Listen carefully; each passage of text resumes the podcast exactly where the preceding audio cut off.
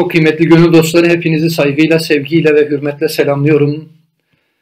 Ee, bu hafta Allah nasip ederse inşallah 10. haftadayız. Kıymetli siyer yolcuları, kıymetli peygamber aşıkları, nebi aşıkları. Efendimizin hayatını kronolojik olarak incelediğimiz, onun hayatına adeta seyahat ettiğimiz, Üstad Hazretlerinin dediği gibi gel seninle hayalen o asla gideceğiz ve onu vazifesi başında ziyaret edeceğiz dediği şekliyle hayalen o asra gitmeye çalıştığımız mevcut kaynaklardan Efendimizin siyerini, Efendimizin hayatını anlattığımız programın 10. bölümüyle sizlerle beraberiz. Bugün Efendimiz sallallahu aleyhi ve selleme ilk vahyin gelişi, vahyin ilk gelmesinden sonra Allah Resulü'nün sallallahu aleyhi ve sellem Nur Dağı'ndan evine dönmesi ve gelişen olayları sizlerle beraber inşallah incelemeye çalışacağız. Öncelikle Allah'ın rahmet ve selamı başta Efendimiz sallallahu aleyhi ve sellem olmak üzere onun ailesine ve mürsel nebi kardeşlerinin üzerine olsun ve sizlerin üzerine olsun. İnşallah Teala sözlerin en güzeli Efendimizin aranızda yayın diye adeta bize emir buyurduğu selamla bugünkü muhabbetimize başlıyoruz inşallah. Hatırlayacağınız üzere geçen hafta Efendimiz 35 yaşına geldiği zaman gelişen olayları, o 35 yaşına geldiği zaman hakikaten insanlığın ve özellikle ümmetin hayatını yani tarihini yakından etkileyecek dört önemli vaka olmuştu biliyorsunuz. Bunları geçtiğimiz hafta ayrıntılarıyla incelemiştik hatırlayacaksınız. İlki Efendimiz 35 yaşına geldiği zaman Hazreti Fatıma annemizin dünyaya gelmesi, ikincisi Kabe'nin tamir edilmesi, üçüncüsü henüz 6 yaşında olan Hazreti Ali Efendimizin Efendimizin evine taşınması ve dördüncüsü ise hatırlayacaksınız Efendimiz'e yalnızlığın sevdirilmesi ve tekrar ediyorum insanlık tarihi açısından çok ciddi bir dönüm noktası olan Hira günlerinin başlaması. Evet Hira günlerine gideceğiz bugün. Ee, sık sık şu an ekranlarınıza gelen Nur Dağı'nda ilk nur orada parladığı için belki oraya Nur Dağı denildi. Nur Dağı'nda olacağız. Allah Resulü ile beraber tabiri caizse. Bunu söylemekten kastım şu Allah Resulü 35 yaşına geldiği zaman yalnızlık kendisine sevdirilince biz tarih kitaplarından, siyer kitaplarından Efendimizin dedesi Abdülmuttalib'in de Nur Dağı'nın adeta zirvesinde, adeta Nur Dağı'nın bir taç gibi kafasına taktığı o Hira mağarasında. Ona mağara da demiyor Hoca Efendi. Biz ona mağara demeyelim isterseniz sultanlık diyelim. Hira Sultanlığındaki günleri başlamıştı. Evet yani böyle hani mağara yani hani e, gari hira diye biz okuyoruz kitaplardan. Gar dediysek yani hani mağara denildiyse de öyle yani böyle derin metrelerce işte derinliğe doğru giden bir yer algılamayın.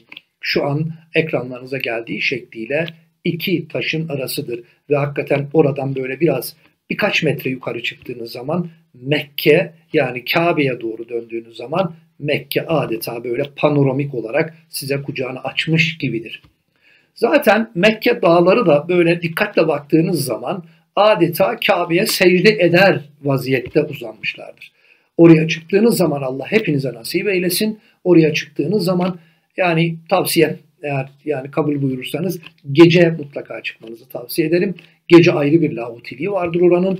Gece de çıksanız, gündüz de çıksanız bir dağ adeta denizinin yani öyle sizi karşıladığını görürsünüz. Faran dağları diye hani Tevrat'ta da geçtiği şekliyle yani irili ufaklı 12 bin dağdan bahsediyorum. O dağlardan bir tanesi de işte Cebeli Nur'dur. Bu Cebeli Nur'un hemen yani dediğim gibi adeta alnında diyebilirsiniz öyle bir sultanlık vardır, bir mağara vardır. Biz oraya Hira Sultanlığı diyoruz. Allah Resulü 35 yaşına geldiği zaman Allah onu oraya sevk etti kıymetli dinleyiciler. Oraya doğru Allah Resulü adeta şeddi rihal etti ve Hira günleri başladı. Neydi Hira günleri? Hira günleri Allah Resulü bazen oraya gider 3 gün kalırdı. Bazen gider yani gelir işlerini de ruhte eder, çocuklarını görür. Biliyorsunuz henüz peygamber olmadan ticaretle iştigal ediyordu. Bir e, iş kadınının yanındaydı. Onun eşiydi biliyorsunuz. Allah Resulü aktif olarak 17 yıllık bir ticari hayatı vardır. Bunu belirtmek lazım. Dolayısıyla Allah Resulü sallallahu aleyhi ve sellem Bazen gittiğinde hatta iki hafta gelmediği olurdu orada ve henüz peygamber değil. Orada inzivaya çekilirdi. Peki o günlerde hemen şu soru genellikle bu türlü derslerde sorulur. O günlerde o günlerde yani Allah Resulü'nün e, hani peygamberlik henüz yok, Müslümanlık henüz yok. E peki Allah Resulü inzivaya çekildiği günlerde ne yapıyordu? Allah Resulü orada ibadet olarak ne yapıyordu? Gerçi yani hani ibadeti yapılacak bir din yoktu ama şunu söyleyelim Hanif dininin adeta kalıntıları vardı. Ve Allah Resulü sallallahu aleyhi ve sellem yani hani e, ömründe hiçbir puta hatırlayacaksın birkaç hafta önce bunları anlatmıştık. Hiçbir puta tapmamıştır Allah Resulü. O Hanif dininin tabiri caizse kalanıyla adeta amel etmiştir Allah Resulü. En azından itikadi açıdan bu şeyi söyleyebiliriz. Bu tespiti yapabiliriz. Dolayısıyla Allah Resulü orada ne yapıyordu? Tahannüs diyor büyüklerimiz. Tahannüs esasen yani belki bir şeyde daha iyi olma, içeri doğru derinleşme, dertlenme. Yani o kadar çok geniş manası var ki. Fakat biz Allah Resulü'nün orada yalnızlığın sevdirilmesi, inzivanın sevdirilmesi ve orada 3 gün, 5 gün, 7 gün, bazen 15 gün kalmasından esasen tahannüsün şu olduğunu ortaya çıkarıyoruz. Yani veya bu tespiti yapıyoruz. Büyüklerimiz bu tespiti yapıyorlar. Allah Resulü biliyorsunuz yani 35 yaşına gelene kadar esasen özellikle Ceziretül Arap'ta yani Arap Yarımadası'nda adeta görmediği yer kalmamıştı kıymetli dinleyiciler. Yani şöyle düşünebilirsiniz. Ee, amcası Zübeyir ile ki amcası Zübeyir İslam'a yetişememiştir. Yani Allah Resulü sallallahu aleyhi ve sellemin yani nübüvvetine, İslam'ın başlangıç yıllarına yetişememiştir. Öncesinden vefat etmiştir ama hakikaten Müslüman ahlaklı bir adamdır, e, şahıstır.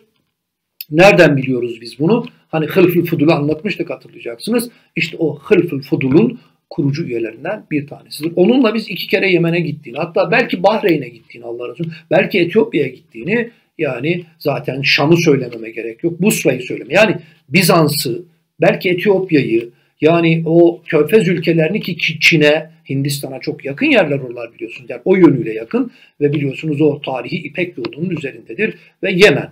Ee, ki Yemen'de o gün itibariyle biliyorsunuz yarı bağımsız bir devlet var. Bunu fil vakasında anlatmıştık. Dolayısıyla Allah Resulü esasen e, adeta insanlığın yani hani e, kümelendiği bir yerde bütün kültürleri peygamberliğinden önce tanıyor. E, bütün dinleri de esasen bir yönüyle tanıyor ve biliyor. Esbab açısından diyorum Allah Resulü'nün bir şeyi bilmesi için oralara gitmesine gerek yok. Yani o vahiy ile mukayyet ama esbaba tevessül açısından Allah tabiri caizse bu seyahatleriyle içinde neş'et edeceği toplumu, burayı çok önemsiyorum, ve e, bir peygamber olarak Rabbini anlatacağı, Rabbini anlatırken hakiki insanlığı anlatacağı. Yani insanlara adeta huzur soluklatacak mesajları kime götürecek? Allah Rabbimiz ona adeta yani bir Resulü olarak, Nebisi olarak ona adeta tanıtıyordu. Yani Bizans o gün itibariyle hatırlayacaksınız sohbetimizin ilk sohbette bunu uzunca bahsetmiştik. Yani dünya konjüktürü o gün itibariyle nasıldı? Yani hani Bizans'ta nasıl bir hayat yaşanıyordu, nasıl bir din vardı? Sasani'de yani bugünkü İran diyebileceğimiz coğrafyada ne yaşanıyordu? Hint coğrafyasında ne yaşanıyordu? Çin'de ne yaşanıyordu? Etiyopya'da, Yemen'de ne yaşanıyordu? Belki de yani Anadolu içlerinde yani hani insanlığın yani sosyolojik durumu, sosyopsikolojik durumu ne alemdeydi? Allah Resulü bunu adeta görerek yani adeta bir laboratuvar çalışıp dokunarak yani beş duyu organlarıyla da adeta bunları tespit etmişti. Dolayısıyla belki de bir taraftan evet yani peygamberleri Allah sevk eder. Burası taabbudilik açısından inanmamız gereken temel kaidelerden bir tanesi. Ama bir taraftan da esbaba bakan yönüyle Allah Resulü yeryüzünü adeta başta Mekke olmak üzere Medine'ye de peygamberliğinden önce gittiğini biz biliyoruz değil mi? Annesiyle beraber. Dolayısıyla Allah Resulü idrak edecek yaştaydı Medine'ye gittiğinde de Mekke'nin durumu, Medine'nin durumu, Taif'in durumu, Tebük'ün durumu, Medain'in durumu bunları Allah onu oralara sevk ederek adeta insanlığın içinde bulunduğu karanlığı Allah Resulü'nün adeta gözleriyle görmesini istiyordu belki. Şahit olmasını istiyor. Dolayısıyla Allah Resulü sallallahu aleyhi ve sellem İşte e, o Hira mağarasındaki tahannüsünü biz şu şekilde yorumlayabiliriz. Bu insanlık için acaba biz ne yapabiliriz? Ben ne yapabilirim? Yani Mekke'nin içinde bulunduğu bu karanlık durum, bunları önceki sohbetlerde anlatmıştık. Yani bu zulmü nasıl bitirebiliriz? Yani bu zalimin veya zalimlerin hakkından nasıl gelebiliriz? İnsanlık adeta belhum adel ikliminde yaşarken, insanlık adeta yani böyle esfeli safiliğinin o karanlıklarında el yordamıyla böyle hani gezip dolaşırken, insanlık zalimlerin zulmü altında inim inim inlerken acaba ben ne yapabilirim? Duygu ve düşüncesiyle Allah Resulü inzivaya çekilip adeta o kendisine 3-5 sene sonra verilecek olan o ağır nübüvvet vazifesine hazırlanıyordu. Tespitini pekala yapabiliriz. Evet bir taraftan Allah Resulü evet son peygamber olmaya layık bir şekilde yaratılmıştı ama bir taraftan da iradesinin hakkını veriyordu ve ümmeti için yani onun ümmeti bütün insanlık biliyorsunuz. Hatta melek, ins ve cin yani onun ümmeti yani hani bir taraftan evet ümmeti davet, ümmeti icabet diye ayırdığınız zaman insanlık adına ne yapabilirizin derdi ve ızdırabını çekiyordu Hira'da. Evet Hira'da Allah Resulü adeta böyle yani sancıları, ızdırapları, dertleri yani düşünceleri hep böyle yani Necip Fazıl'ın ifadesiyle söyleyelim öz beynini burnundan kusacak kadar yani acaba ümmetim için, insanlık için ne yapabilirim? Duygu ve düşüncesi. Onu adeta dağlara vurduruyordu. Yani Cebel-i Nur'a, Cebel-i Nur'un o alnında da parlayan yani Gari Hira, Hira günlerinde Allah Resulü bir yönüyle insanlığın derdini ve ızdırabını çekiyordu. Belki peygamber olduktan sonra da biliyorsunuz adeta bizim yani hani yolumuzu aydınlatan temel projektörlerden bir tanesidir söylediği bir söz Efendimizin hadisi şerif yani onun mübarek leplerinden, feminden dökülen o söz müminlerin adeta hayat amacıdır yani. Niye bu hayattayız? Adeta bu söz odur. Nedir? Sizin en hayırlınız insanlığa en çok faydası dokunandır. Evet, insanlığa belki de yapacağımız en Allah Resulü'nden öğrendiğimiz şekilde en önemli vazife onları Rabbimizle buluşturmak, onları Allah'la buluşturmak, onları imanla buluşturmak tabiri caizse. Evet iman olmayınca ahlak olmuyor. Ahlak olmayınca muhabbet olmuyor. Muhabbet olmayınca ortada adalet olmuyor. İnsanlar birbirlerine hakikaten o sevgi bağlarıyla bağlanmayınca, adalet olmayınca da adaletin olmadığı yerde zulüm oluyor. Dolayısıyla Allah Resulü'nün Hira günlerinde insanlığın derdi ve ızdırabıyla sancı üstüne sancı çektiği tespiti yapılabilir. Ve 40 yaşına geldiği zaman Allah Resulü sallallahu aleyhi ve sellem daha yani peygamber olarak gönderilmeden, ilk vahiy gelmeden peygamber olduktan sonra anlatacak. Yani ben Hira'ya doğru yürürken veya Mekke'de yürürken şu taş veya şu deredeki taşlar bana selam verirdi. Esselamu aleyke ya Resulallah derlerdi diyor. Mucizet Ahmediye'de de Üstad Hazretleri bunu bütün ayrıntılarıyla anlatacak biliyorsunuz. Ve Allah Resulü 40 yaşına geldiği zaman kendisine o ağır yük omuzlarına adeta bırakıverilecek. 40 yaşına geldiğinde yine uzun Hira günlerinde Cebrail aleyhisselam gelecek. Ayrıntılarını bildiğiniz için burayı çok kısa anlatacağım. Ve diyecek ki ikra emir sigası oku. Mana bir gari. Ben okuma bilmem. Yani okuyucu değilim manasına. Tekrar sıkacak. O da tekrar ben okuma bilmem. Tekrar sıkacak ve oku diyecek. Ne okuyayım deyince ikra bismi rabbikallezi halak. Halakal insane min alak. Evet oku. Yaradan Rabbinin adıyla oku. Dinin ilk emrinin oku olması ayrı bir ve uzun bir sohbetin konusu kıymetli dinleyiciler. Evet, oku, tanı, Rabbini bil, önce kendini tanı. Sonra Allah, kainat, nübüvvet arasındaki ilişkileri oku, kainatı oku. Yarın, bugünden itibaren sana indirilecek olan kitabı oku. Yani ilimle serfiraz ol. Yani ilk emir ekimiz salah namaz kıl değil, tuz zekat zekat ver değil. İlk emir haç değil, ilk emir, ilk emir oku. Esasen burada Çok manaları var. Ciltlerce tefsirler ve kitaplar yazılmıştır bununla alakalı. Fakat şunu diyebiliriz. Eğer okumazsan, eğer öğrenmezsen, eğer dinlemezsen, eğer ilmin ve öğrenmenin peşinde koşmazsan yaptığın bütün ibadetler, Allah'la olan ilişkilerin ibadetler, ailedeki babalığın, anneliğin, işte bir okuldaki öğrenciliğin, öğretmenliğin bunların hepsi yarımdır. Dolayısıyla dinin ilk emri tabiri caizse din hazinesinin pin kodu, din hazinesinin miftahı yani anahtarı adeta bu cümledir. Yani bu kelimedir oku. Ve Allah Resulü sallallahu aleyhi ve sellem o mağaradan, o sultanlıktan çıkıp Mekke'ye doğru giderken kendisi diyor bütün azametiyle gözümü kapatınca görüyordum, gözümü açınca göğün her yerinde kafamı çevirip şu tarafa baktığım zaman yine görüyordum, bu tarafa çevirdiğim zaman yine görüyordum. Ve Allah Resulü sallallahu aleyhi ve sellem Cebrail aleyhisselamı birkaç kere asli hüviyetiyle gördüğü yerlerden bir tanesidir ve diyecektir ki ene Cebrail Cibril. Ve bundan sonra 23 yıl boyunca seninle sık bir araya geleceğiz. Ben sana Allah'ın bana da yüklediği o Kur'an vazifesini, Kur'an'ı ayet ayet, ceste ceste sana getirme vazifesini Allah bana verdi seninle. Adeta lisanı haliyle böyle diyecek. Ene Cibril, ben Cebrail ve ente Resul. Ente Resulullah, Allah'ın Resulüsün. Allah o yönüyle seni şey. Bundan sonra bir peygambersin artık yani diyecek.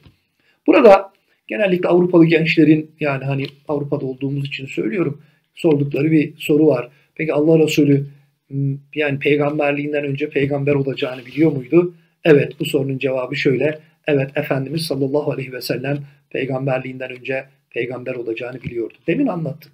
Dağ taş ona selam veriyor. Selamun aleyke ya Resul. Daha peygamber değil. Bir ikincisi evet Allah Resulü biliyordu peygamber olacağını ama bunun nasıl bir ağır yük olduğunu ancak o yük omuzlarına bırakıldığı zaman anlamıştı. Şuna benzetebilirsiniz. Anlattığım yerlerde genellikle bu örneği veriyorum. Yani bir erkek yani hani baba olacağını bilebilir. Yani eğer Allah ömür verirse, evlenirse, Allah da nasip ederse bir çocuk sahibi olursa baba olacağım. Yani babalık geriden gördüğü kadarıyla babalarını görüyor, kendi babasını görüyor. Ama henüz baba değil ama baba olacağını tahmin edebilir veya bilebilir. Fakat babalığın ne olduğunu o çocuğu kucağına verildiği zaman anlar. Ha, babalık buymuş yani veya tersinden annelik buymuş yani. Annelik duygusu demek ki böyle bir şeymiş. İşte nübüvvet de böyle bir şey. Yani nübüvvet o ağır yük ki yani biz ona ne diyoruz? Allah'la kullarını buluşturma vazifesi tabiri caizse diyebiliriz. Özetin özetin özet olarak. Ve Allah Resulü sallallahu aleyhi ve sellem Nur Dağı'ndan evine doğru gelecek. Nur Dağı'yla e, evinin arası yani o gün itibariyle yani Merve tepesinin hemen yanında bulunan ve Hazreti Hatice annemizle yaşıyor olduğu evin arası yaklaşık olarak 6-7 kilometrelik bir mesafedir. Çok uzak değildir zaten. Ve evine geldiği zaman zemmülini zemmülini yani beni örtün, beni örtün diyecek ve o örtünün altında tir tir titreyecek bir insandı neticede. Evet çok zor bir vazifenin altına girecekti Allah Resulü sallallahu aleyhi ve sellem. Yani geldiği devir de öyle bir devir ki dişsiz mi bir insan onu kardeşleri yerdi. Zulüm ortamına geliyor ki çöle inen nur olarak tabiri caizse öyle bir çöl iklimine geliyor ki, öyle bir karanlık devre geliyor ki yükü hakikaten çok ağır. Sadece o devir açısından mı? Kıyamete kadar gelecek bütün insanlığın yükü Allah Resulü'nün omuzlarında. Bütün insanlığın. Dolayısıyla onun temel vazifesi oydu.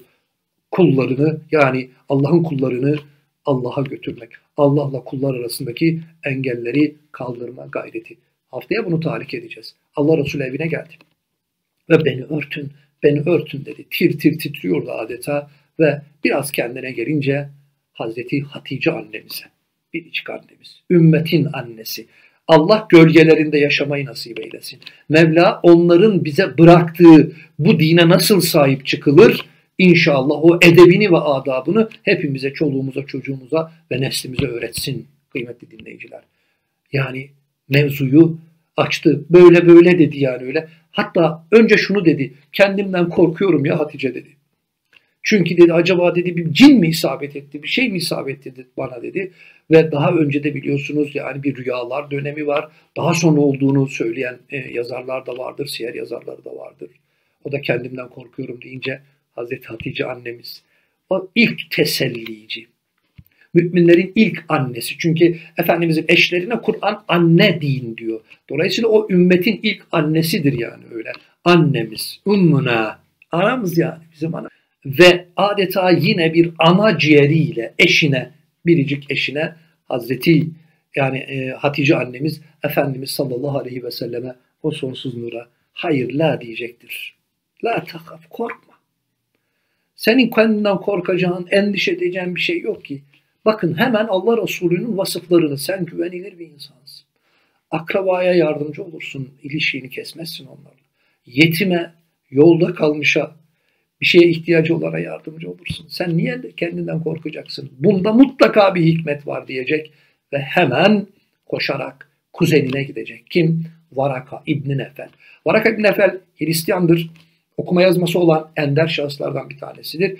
Okuma yazma bilenlere Mekke'de o dönemde kamil insan derlerdi. Kamil bir insandır. Ve e, oraya gidecek ki Varaka İbni Nefel hem İncil ve tefsirlerini hem de Tevrat'ı okuyabilen bir ilim adamıydı diyebilirsiniz çok rahatlıkla. Adeta bir ehli vukuf gibidir. Yani hemen Hazreti Hatice annemiz o kuzenine bunları anlatınca bana getir diyecek. Ve Allah Resulü o Gari Hira'da yaşadıklarının ne olduğunu tek tek anlatınca o sana gelen Musa'ya da Hazreti İsa'ya da gelen namustur. Yani onların o kitaplarında öyle yani Cibril'dir diyor. Bundan sonra belki sen onunla çok sık bir araya geleceksin. Sen Hatemün Nebisin. Yani bütün insanlığın beklediği son peygambersin. Hiç endişe etme. Ama diyecek keşke böyle adeta, adeta hüzzam bir ağıt gibi böyle yani keşke diyecek. Ya leyteni, ya leyten. Keşke. Ümmetin seni ülkenden çıkardığında yani esasen şunu diyor sıkıntılar verdiğinde, zulmettiğinde yani sen bu davayı anlatırken ne çileler çekeceksin, ne zulümlerle boğuşacaksın. Keşke o günlerde senin yanında olsaydı. Allah Resulüne, Allah Resulü böyle deyince yani Varaka İbn Efel böyle deyince beni ülkemden yani beni şehrimden çıkaracaklar mı? Daha beterini, daha ağırlarını yapacaklar. Bakın dikkat buyurun. Allah Resulü sallallahu aleyhi ve sellem neyi yapacağını, neyle karşılaşacağını hem hissediyor hem de Varaka İbn Effel'in yani anlatmasıyla biliyordu. Evet bu yolun kaderiydi. Yolun kaderi böyleydi. Yolun kaderi adeta çile taşlarıyla örgülüydü. Çile çekmeden olgunlaşılmıyordu. Hamdım, piştim, yandım denilmiyordu. Bir davanın alevleri içerisinde adeta belki yanmadan olmuyordu. Evet hakiki huzur ancak zahmetten geçiyordu. Allah Resulüne o zahmeti haber veriyordu. Ve Allah Resulü'nün işte Varaka İbn Lehfel'in bunu söylemesinden sonra Allah Resulü'nün adeta böyle nübüvvet günleri başlayacak. Rabbini anlattığı günler başlayacak. Mekke'deki çile günleri başlayacak. Evet Allah Resulü sallallahu aleyhi ve sellem çile günlerine başladığı ve Rabbini anlatmaya başladığındaki Mekke, Mekke'nin durumu ve müşriklerin neden inanmadıkları ve Allah Resulüne reva görmeye başladıkları o zulmün evrelerini haftaya Allah nasip ederse işlemeye başlayacağız diyor ve bu haftaki sohbetimi de burada bitiriyorum. Tekrar ediyorum. Evet, onun izinden giden, onun davasına sahip çıkan binlerce, on binlerce insan bugün başta Türkiye olmak üzere dünyanın dört bir tarafında adeta çile cenderesindeler. Evet onlar Allah Resulü'nün sallallahu aleyhi ve sellem Allah Resulü'nü hakkıyla temsil edebilmek için adeta güvercin kalbi gibi pır pır kalpleriyle yıllardır hizmet ettiler.